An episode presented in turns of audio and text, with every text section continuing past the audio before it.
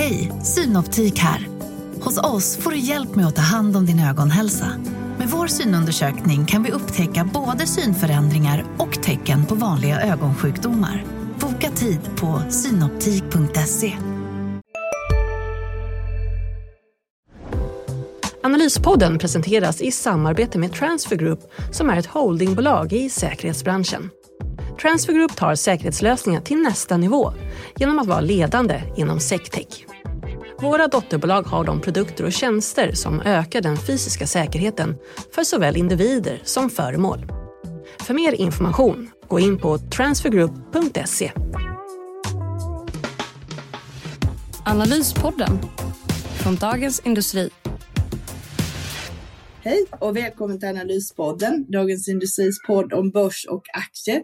Idag är det jag, Agneta Jönsson och kollegan Johan Wendel som pratar. Men det är faktiskt lite speciellt för jag är ju som vanligt här i Stockholm. Men Johan är ju i New York och kommer vara där ett tag eh, för tidningens räkning och bevaka marknaden. Så nu spelar vi in på torsdagen istället och klockan är 16 svensk tid. Så vet ni lite vad vi vet nu. Och som vanligt ska vi prata om vad som händer på börsen i stort och lite intressanta case. Vi bjuder på ett aktiecase och går igenom veckans aktier och så, lite som vanligt. Hur är läget hos dig där borta Johan? Eh, det är kanon. Det regnar här, men jag är väldigt eh, taggad på att spela in. Jag tror att det här blir den första interkontinentala analyspodden, eh, så det känns väldigt spännande. En märkeshändelse. Det är en märkeshändelse och Eh, det är också lite så här märkeshändelse på börsen. I denna veckan är det ju riktigt surt och OMXS30 är ner nästan 9. Och det är faktiskt tredje gången i år som är vi nere på de här nivåerna strax under 1900. Vi var nere där i maj när vi hade den här flashen när det gick ner så våldsamt på grund av en feltryckning från City. Och vi var nere där och bottnade den 7 mars och då fick vi däremot en stängning på högre nivå, vilket var starten på en upprekyl på 15 procent. Så nu är det lite sådär, är det tredje gången gilt eller ska vi fortsätta ner? Men det kan vi komma fram till lite längre fram här. Veckans viktigaste händelse måste ju ändå vara över på din sida om Atlanten. Ja, men precis. Eh, ni får ursäkta. Vi, vi brukar ju försöka hålla oss undan att nörda ner oss allt för mycket i centralbankerier, om man får benämna dem så, i den här podden. Men nu är det ju faktiskt det som styr börsutvecklingen nästan helt och hållet i kombination med eh, makrohändelser och därför måste vi eh, faktiskt ta, ta tag och faktiskt reda ut vad som hände där. Men som du är inne på Agneta, igår, det har ju varit här, här borta i USA som det har hänt väldigt mycket och igår kom ju, det vill säga i onsdags kväll, kom ju Federal Reserve som är centralbanken här i USA med sitt färska räntebesked och man höjde med 0,75 procentenheter då styrräntan. Eh, det här styrränteintervallet rättare sagt som de har här och det är ju den största höjningen sedan 1994 så att eh, eh senast Fed höjde den här räntan så här mycket så var det, det var VM-brons, Thomas Brolin eh, när vi gräver guld i USA ekade. Så det, det, säger någonting om hur lång, länge sedan det var, hur allvarlig den här inflationsuppgången vi har nu som eh, faktiskt äger rum. Och eh, det ska också sägas att den här stora höjningen, det var ganska välkrattat om man får använda det uttrycket. För redan i måndags kväll så skrev Wall Street Journal en artikel där deras mest eh, seniora och pålitliga Fed-reporter hänvisade till anonyma källor i Fed om att de övervägde en, 75, eh, en eh, höjning på 0,75 procentenheter. Och det prisade marknaden in illa kvickt. Och bakgrunden till den här höjningen är ju såklart eh, KPI-siffran som vi fick här i USA i fredags förra veckan som klockade in på 8,6 procent i årstakt för maj. Och eh, det innebär ju att eh, inflationen inte sjönk som man hade hoppats. Eller inflationstakten sjönk inte i maj som man hade hoppats på utan den steg. Och eh, en nyckelanledning till det här är ju eh, stigande olje eller rusande olje och bensinpriser och matpriser och, och så vidare. Men även eh, servicesektorn minus energisektorn går upp, visar tecken på en bredare, vi ser tecken på en bredare inflationsuppgång och det är just det här som har fått centralbankerna och framförallt Fed att höja räntan och, och det som sänker börsen också. Och det är klart, nu blir man ju också oroad att Eh, målet är ju att försöka göra någon form av mjuklandning, men det är väldigt svårt att göra det. Det är få gånger det har lyckats. Fed var ju också tydliga nu och säger att, här att man måste kanske gå högre än det som man kallar normalräntan som ligger typ på 2,5 procent för att få bukt med inflationen. Så och ju snabbare man agerar och ju större man gör desto större risk är det ju att man kanske tar i lite för mycket också. Absolut. Och jag, och jag vågar nästan påstå att på marknaden så är den här äh, då så kallade mjuklandningen, som man gärna kallar den, den är nu liksom lite överspelad. Man tror inte på det här längre. Och kollar man på prognoserna som Fed-ledamöterna själva släpper i samband med det här äh, räntebeskedet så är tillväxtprognoserna, den genomsnittliga tillväxtprognosen jämfört med i mars när vi fick dem senast, den är ganska ordentligt slaktad. Eh, jag tror att tillväxtprognosen för i år var nedjusterad med 1,1 procentenheter jämfört med för tre månader sedan. Det är ju, och arbetslöshetsprognoserna för kommande år är uppjusterade. Det är ju ett tecken på att Fed-ledamöterna är mer än väl medvetna om att det är svårt att faktiskt få, kommer bli svårt att få bukt med den här inflationen eh, utan att också ta koll på konjunkturen. En sak jag också skulle poängtera är att eh, eh, på den efterföljande presskonferensen efter beskedet så fick, så fick eh, J. Powell, då, Fed-chefen, frågan huruvida han tittar på det som kallas för headline eh, inflation, alltså det ojusterade KPI-talet. Eller om man tittar på eh, kärninflationen som justerar bort bland annat då energi och matpriser och lite mer volatila priskategorier. Och historiskt sett så är ju Fed alltid så här att säger de alltid att eh, vi kollar på den eh, kärninflationen för den är mycket bättre eh, indikator på var inflationen är på väg på längre sikt. Och, och det sa även Powell igår. Men han poängterade också att Fed är enligt lag skyldiga att titta på headline inflation, alltså det som inkluderar bensin och oljepriser och så vidare.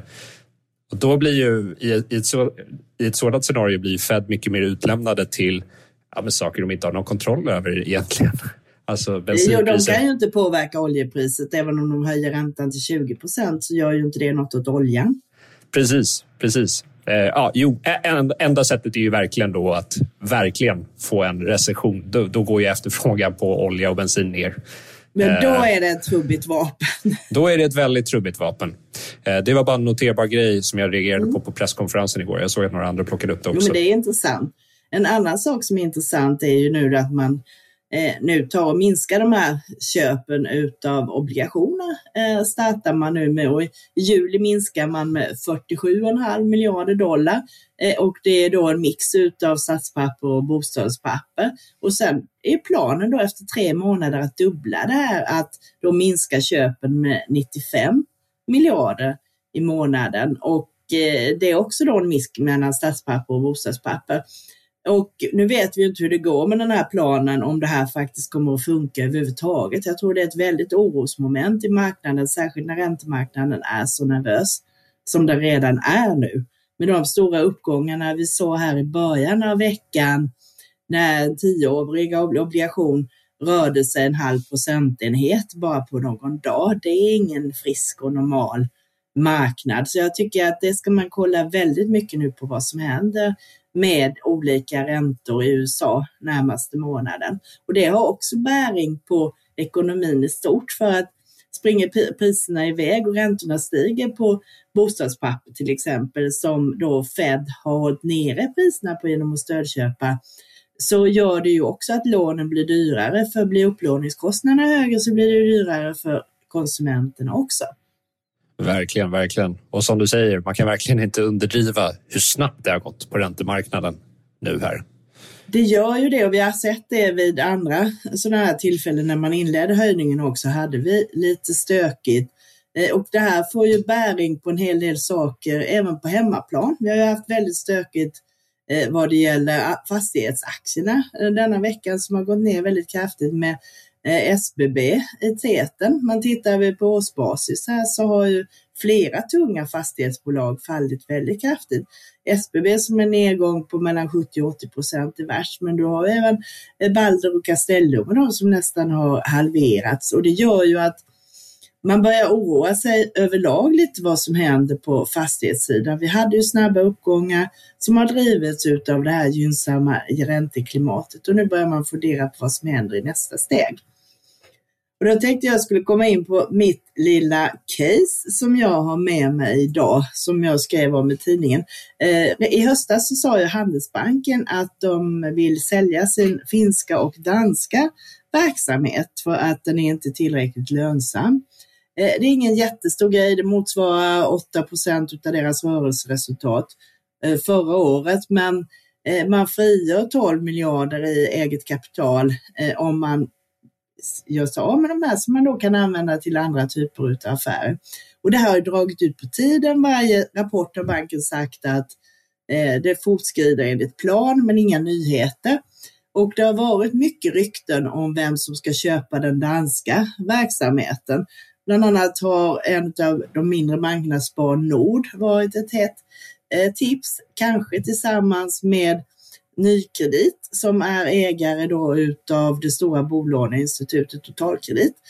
Men och det hade varit en bra affär för Spar Nord och Handelsbanken har samma IT-lösning så det hade varit enkelt att flytta över kunder och volymer och sånt där.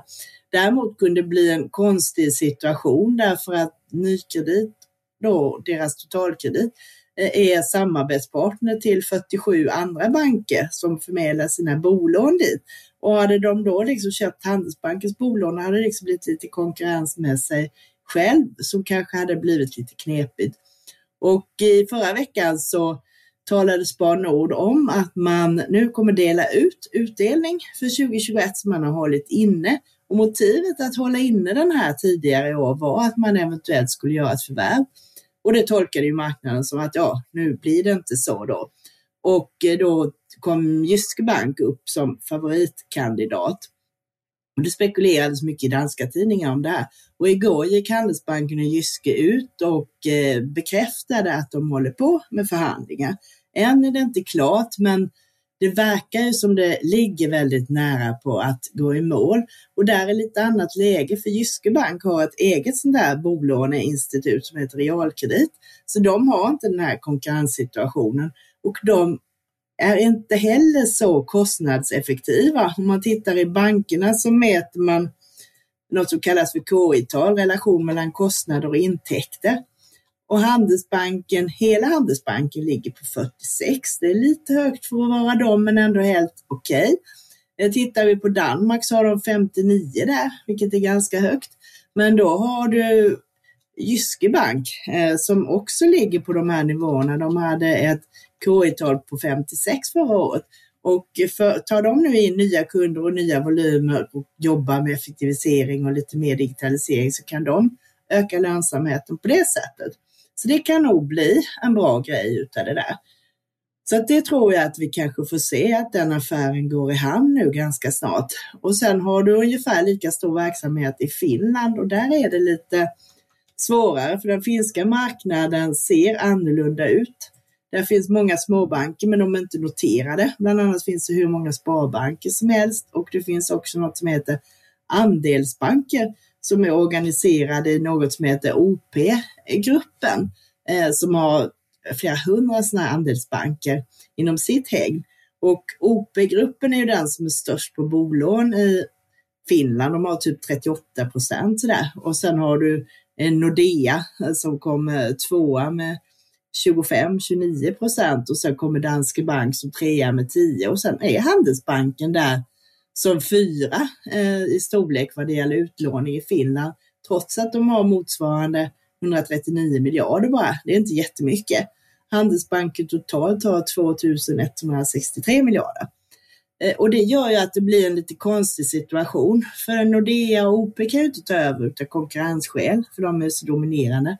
Danske skulle det nog vara en bra affär, men de är ju fullt upptagna med de här amerikanska utredningarna och eventuella penningtvättsböter som gör att de har hållit inne sin utdelning. Så att det verkar konstigt om de ska ge sig iväg och börja förvärva i det här.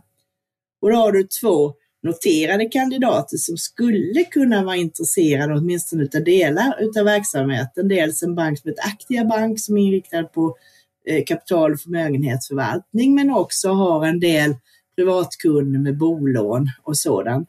Och sen finns det en sparbank som heter OMA som växer väldigt snabbt och har gjort, eh, gjorde tidigare ett förvärv Och de, de tror jag också kan vara intresserade av att ta över privatkunderna.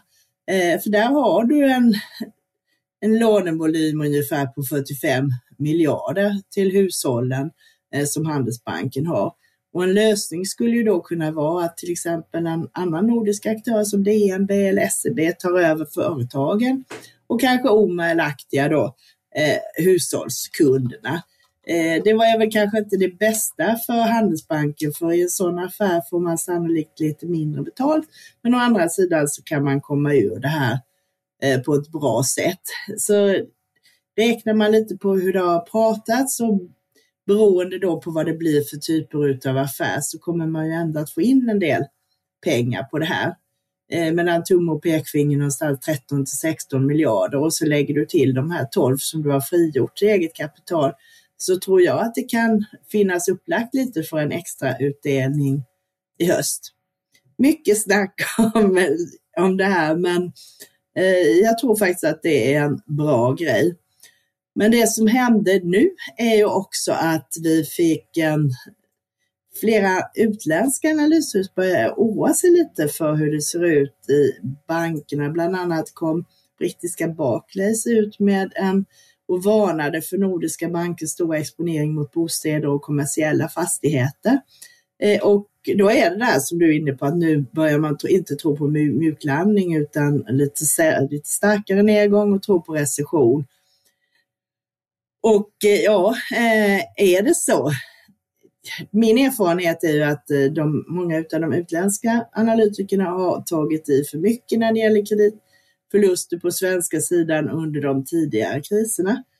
Och vi har lite speciell situation här med uppläggen utav våra bolån. Dels är ju belåningsgraden i hela liksom, stocken ganska låg, runt 50 procent. Eh, och eh, sedan har vi det här att det är inte problemet är inte om värdet sjunker. Du behöver inte sälja ditt hus så länge du kan betala dina lån och då är ju arbetsmarknaden och jobben en mycket viktigare faktor. Plus att bankerna har ju faktiskt ställt krav att man ska kunna betala en ränta minst eh, på 6 och dit är det ju en bra bit kvar. Plus att vi har de här amorteringskraven eh, som man skulle kunna släppa på om det blir riktig kris, vilket man gjorde ju faktiskt under pandemin. Så vad det gäller bostadsbiten är jag inte speciellt orolig. Och tittar vi på kommersiella fastigheter så är inte belåningen speciellt hög heller överlag. Det är runt en 50 eh, procent och mycket ligger ju nu på obligationsmarknaden. Och det är klart, skulle någon aktör Hej, Ulf Kristersson här. På många sätt är det en mörk tid vi lever i. Men nu tar vi ett stort steg för att göra Sverige till en tryggare och säkrare plats. Sverige är nu medlem i Nato. En för alla, alla för en. Vi är specialister på det vi gör, precis som du. Därför försäkrar vi på Swedea bara småföretag, som ditt. För oss är små företag alltid större än stora och vår företagsförsäkring anpassar sig helt efter firmans förutsättningar. Gå in på swedea.se företag och jämför själv. får problem att betala ränta på någon obligation och gör någon form av default på det, då kan det bli stökigt i systemet. Men än så länge tycker jag att det är, liksom, det är för tidigt för att räkna med stora kreditförluster på det här i alla fall. Ja, intressant. Eh, här blir ett område som ränteutvecklingen blir väldigt viktig för såklart.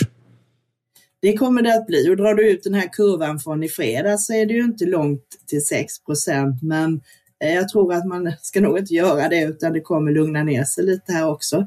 Eh, du var inne på en annan grej här som var dumt och döma ut som den amerikanska presidenten gjorde här häromdagen.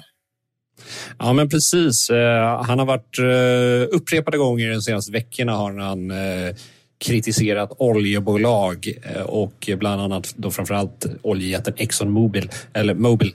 Och igår blev det känt, flera amerikanska medier tog del av ett brev som Joe Biden har skickat till sju oljebolag där han skällde ut dem helt enkelt för de höga vinster som de gör just nu. Och jag tyckte väl det där var lite, ja, dumt, om man får säga så. Eh, idélöst, inte särskilt konstruktivt. Eh, det, det, man ska ha med sig med oljebolagen är att ja, absolut, de gör vinster nu. Och, och det Joe Biden riktade in sig specifikt på i brevet var ju att eh, de här raffinaderierna, det vill säga där man förvandlar råolja till eh, flygbränsle, bensin eller diesel de har extremt höga marginaler nu och det stämmer. Eh, men det är också så att de kommer ju från en en eh, riktig katastrof som har varit med, eh, som var under pandemin när efterfrågan störtdök och när vi hade ett priskrig mellan saudierna och Ryssland som tryckte ner priserna ytterligare. Eh, och över tid så är ju oljeindustrin liksom, en bransch som kommer att ha krympa, krympande efterfrågan. Och eh, min, min, min slutsats var väl helt enkelt att om, om Biden vill ha lägre oljepriser och lägre bensinpriser borde han kanske agera konstruktivt för att få fram det istället för att skälla ut bolagen för att de gör höga vinster.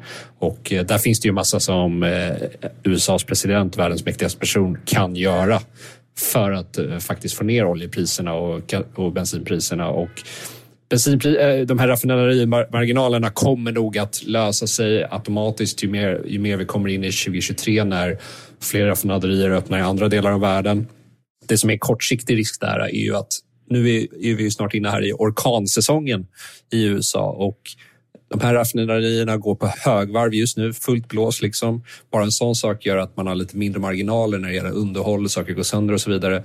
Men också apropå orkansäsongen, har man otur så kommer det in en orkan någonstans där de här raffinaderierna är. Men oljepriset då, då om vi tar det istället, så där har ju USA eh, en eh, enorm inhemsk produktion som man kan trycka igång eh, som man också gjorde under 2010-talet men det gav inte så mycket vinster för aktieägarna. Det är ett sånt område där staten kanske kan ge en liten knuff på olika sätt för att få igång det och vi kommer ju behöva olja och fossila bränslen under överskådlig tid även om liksom behovet kommer att krympa. Men behovet kommer alltid, kommer alltid att finnas där som det ser ut i nuläget. För Vi använder det till så mycket.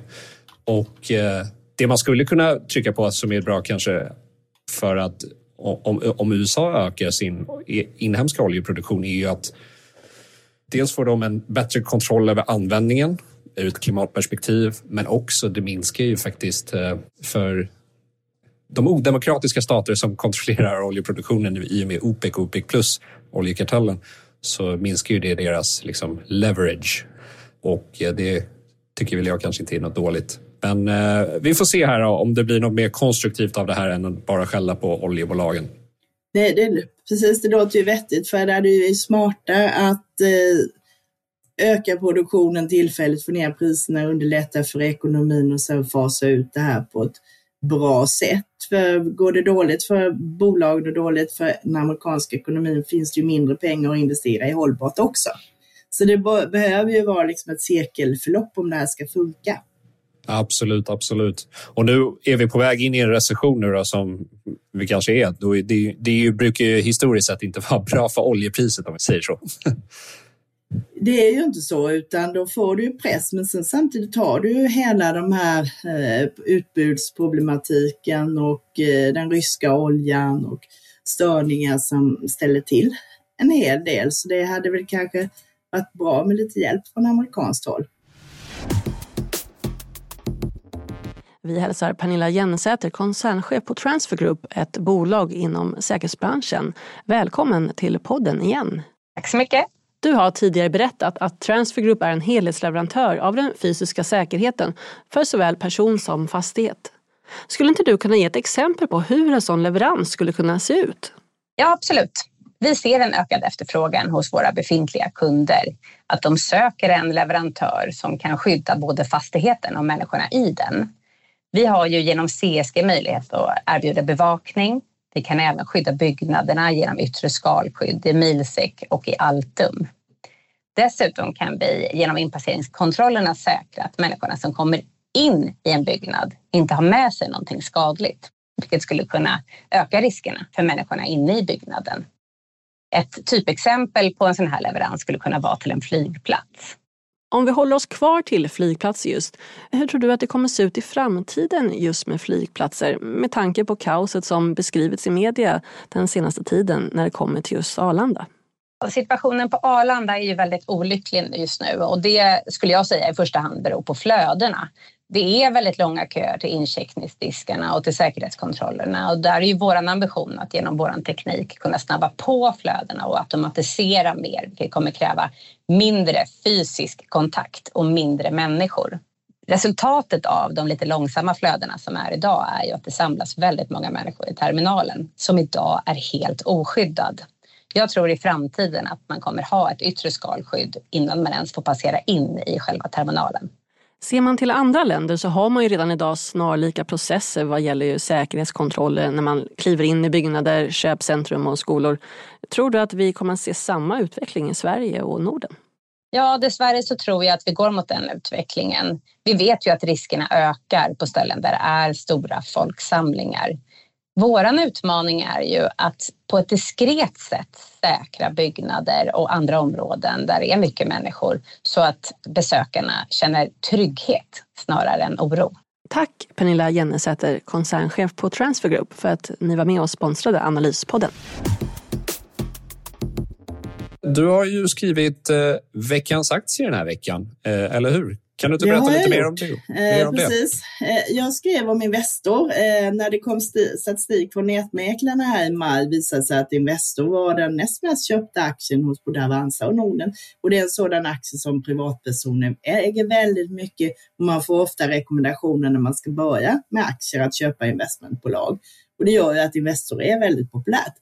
Och den gick ju fantastiskt bra här under pandemin. Tittar vi på fem år så har Investors totalavkastning varit över 100 procent samtidigt som börsen som helhet har gett 63. Och både på längre och kortare sikt så har Investor slagit börsen, utom i år då, för då har den hållit precis jämna steg faktiskt med eh, aktiemarknaden. När jag började skriva det här i förra veckan så var båda två eh, ner 18 procent och nu är ju då både börsen och eh, Investor ner så här långt då 27 eh, procent idag. Så att vi har fått väldigt mycket stryk senaste veckan här. Eh, och är då, frågan är liksom, är det, är det dumt att privatpersoner och vara så glada för Investor och köpa så mycket eller är det en bra idé? Och jag tycker faktiskt att det är en bra idé. Dels har du ju det här med riskspridningen, vilket är väldigt god. Du har ju då en börsnoterad portfölj med stora lönsamma bolag där, som väger då ungefär 60, två tredjedelar utav deras portfölj är noterade bolag. Eh, och sedan har du onoterade tillgångar i det som man kallar för Patricia Industries, eh, där du har då, till skillnad mot till exempel Kinnevik som har mycket tillväxtbolag och sådant, så har Investor ett fokus mer på bolag inom medicinteknik och sådant som också är lite stabilare. Det största innehavet bland de onoterade det är Mölnlycke som gör olika sårvårdsprodukter och prylar som används inom sjukvård och sånt där. Eh, de har gått dåligt i vår. De har tappade omsättningsmässigt, men å andra sidan så gick de ju fantastiskt under pandemin när det skulle behövas alla de här handskarna och skyddsgrejerna eh, till sjukhusen. Men för övrigt så är det ju sådant som är stabilt. Man har också Permobil som gör sådana här eh, för rörelsehandikappade, eldrivna rullstolar och så här. Man har naturligtvis Brown Mobility som är inne på samma spår och det är ganska, tycker jag, en stabil verksamhet i det onoterade också. Och sedan har du ungefär 10 procent utav eh, portföljen det är 14 procent av portföljen nu i investeringar i EQT, både direkt i EQTs riskkapitalfonder eh, och då i det noterade bolaget EQT AB. Så du har tre olika delar som eh, jag tycker gör att det blir en intressant helhet. Och sen handlas ju då eh, investmentbolag, om de är dyra eller billiga brukar man titta då om de handlas med en rabatt eller premie mot eh, substansvärdet. När de kom med sin rapport för första kvartalet så var det en rabatt på 5% jämfört med substansvärdet. Tittar vi nu när det har varit lite stökigare så börsportföljen kan vi ju värdera i realtid och tittar vi på hur kurserna är där, man antar att värdet på det onoterade inte har ändrats så mycket, så har aktien jämför rabatten jämfört de räknat på B-aktien stigit till eh, 16 procent. Och sen brukar jag titta på också för att få en uppfattning om vad det finns för potential, eh, hur mycket eh, portföljen skulle vara värd om de noterade innehaven skulle nå de riktkurserna som analytikerna har idag. Och då kommer du upp en betydlig bit. Och då får du en uppsida på den noterade portföljen på runt en 25 procent från dagsläget här. Och lägger du in det i den här räknesnurran istället, då ökar istället rabatten till nästan 32 procent just nu. Och lägger du in snittet då på det har varit de senaste fyra kvartalen, vilket har varit 9 procent, så får du en uppsida i Investor idag på en, en bit över 30 procent. Sen kommer inte alla riktkurser att inträffa, så alla kommer inte inträffa samtidigt, men det indikerar liksom en syn på marknaden. Eh, så det är typiskt sådana aktier som kan faktiskt är värd att plocka upp om det är lite dåliga dagar. Så att eh, ja, jag tycker Investor är intressant. Alltså tror man inte på en fullständig krasch utan eh, att det faktiskt lugnar ner sig så är det ingen dum idé. Plus att de är inte speciellt belånade. De har som mål att ha en belåning i snitt över en konjunkturcykel på 0 till 10 procent, men de kan periodvis gå betydligt högre än så. Till exempel andra kvartalet 2013 var de uppe i 13,4 i belåning nu ligger de på 1,8. Så de har ju möjlighet att göra både investeringar och eh, stötta sina bolag om så skulle behövas. Så jag tycker det är en intressant grej. Och då får jag väl återknyta till det vi sa i början här att eh, är det på väg rakt i backen eller kan vi få se en liten eh, upprekyl igen här? Och eh, det är farligt att säga, men om jag skulle sätta en peng på det här nu så tror jag faktiskt att det kan vara läge i alla fall för en mindre uppstruss. Och hur man sen vill utnyttja den, Eh, om man vill göra som vår kollega Rickard Bråse pratade om, att fyndsälja när du har fått en uppgång, eller om du utnyttjar det till att gå in och titta på lite bra bolag som har kommit ner mycket. Det är ju upp till var och en. Så, men jag tror inte att man ska kasta ut alla aktier man äger just idag i alla fall. Nej, eh, det brukar ju sällan vara en bra idé faktiskt. Eh, men ska vi blicka vidare lite mot nästa vecka då? Tycker jag vi gör. Och eh, då har ju du stängt eh, på den amerikanska marknaden, eh, står det här i kalendariet. Och vi hoppas du får lite ledigt också då. Det får vi se, det tror jag inte, men vi kan hoppas på det. Och sen har Lindab kapitalmarknadsdag. Det är ju ett så lite intressant hållbarhetscase också. De jobbar ju med utrustning och grejer, rör och sådant som, med, som har mycket med ventilationen i fastigheter att göra. Och på tisdag har ju MTG kapitalmarknadsdag. Det är ett bolag som du brukar ha koll på. Absolut. Eh, de skulle ju faktiskt ha en kapitalmarknadsdag här i New York om inte minnet sviker mig. Men sen så kom ju pandemin emellan. Det var ju lite otur. Det var ju lite otur, annars hade du bara kunnat knalla ner och hälsa på dem. Exakt. Och sen har vi kanske då veckans höjdpunkt för många på onsdag har Volvo kapitalmarknadsdag. Eh, det är en aktie som är väldigt pressad nu och eh, det är också intressant att höra vad de har att säga. Och sen kommer Valueguard med bopriserna för maj. Det är också intressant med bäring på vad vi pratade innan här. Och sedan så får vi då i Europa får vi EMUs konsumenternas konfidensintegrator och se hur pass negativa de europeiska konsumenterna är. Och sen på torsdag så är det preliminära inköpschefsindex Eh, Eh, för industrin för juni i USA och många andra länder. Och sen på fredag så har vi äntligen stängt i Stockholm. Då kan vi behöva vila upp oss lite här. Och jag kommer också att gå på semester nu. Både jag och Ulf Pettersson kommer att vara lediga några veckor. Men Analyspodden kommer ju att hålla på eh, som vanligt med lite olika deltagare och lite olika teman. Så eh, fortsätt lyssna eh, framöver också så hörs vi när det börjar bli dags för rapportperioden igen här i mitten av juli. Och Johan kommer säkert att dyka upp i podden här lite längre fram också.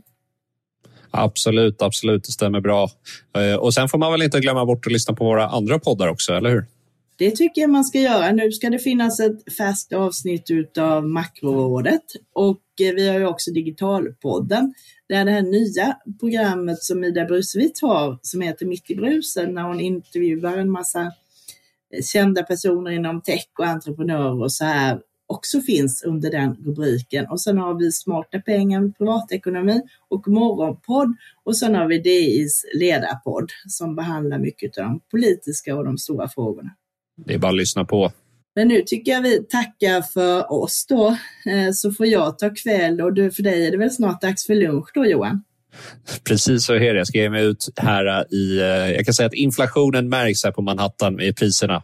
Vem hade kunnat ana att priserna var höga här på Manhattan? Eh, chockerande. Men eh, ni ska ha stort tack för att ni lyssnade och eh, om inte annat får ni ha en fortsatt trevlig eh, dag här och så småningom trevlig helg. Ha det fint. Hej! Hej då!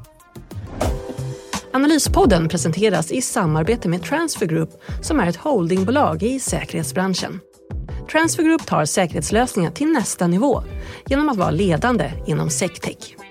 Våra dotterbolag har de produkter och tjänster som ökar den fysiska säkerheten för såväl individer som föremål. För mer information, gå in på transfergroup.se.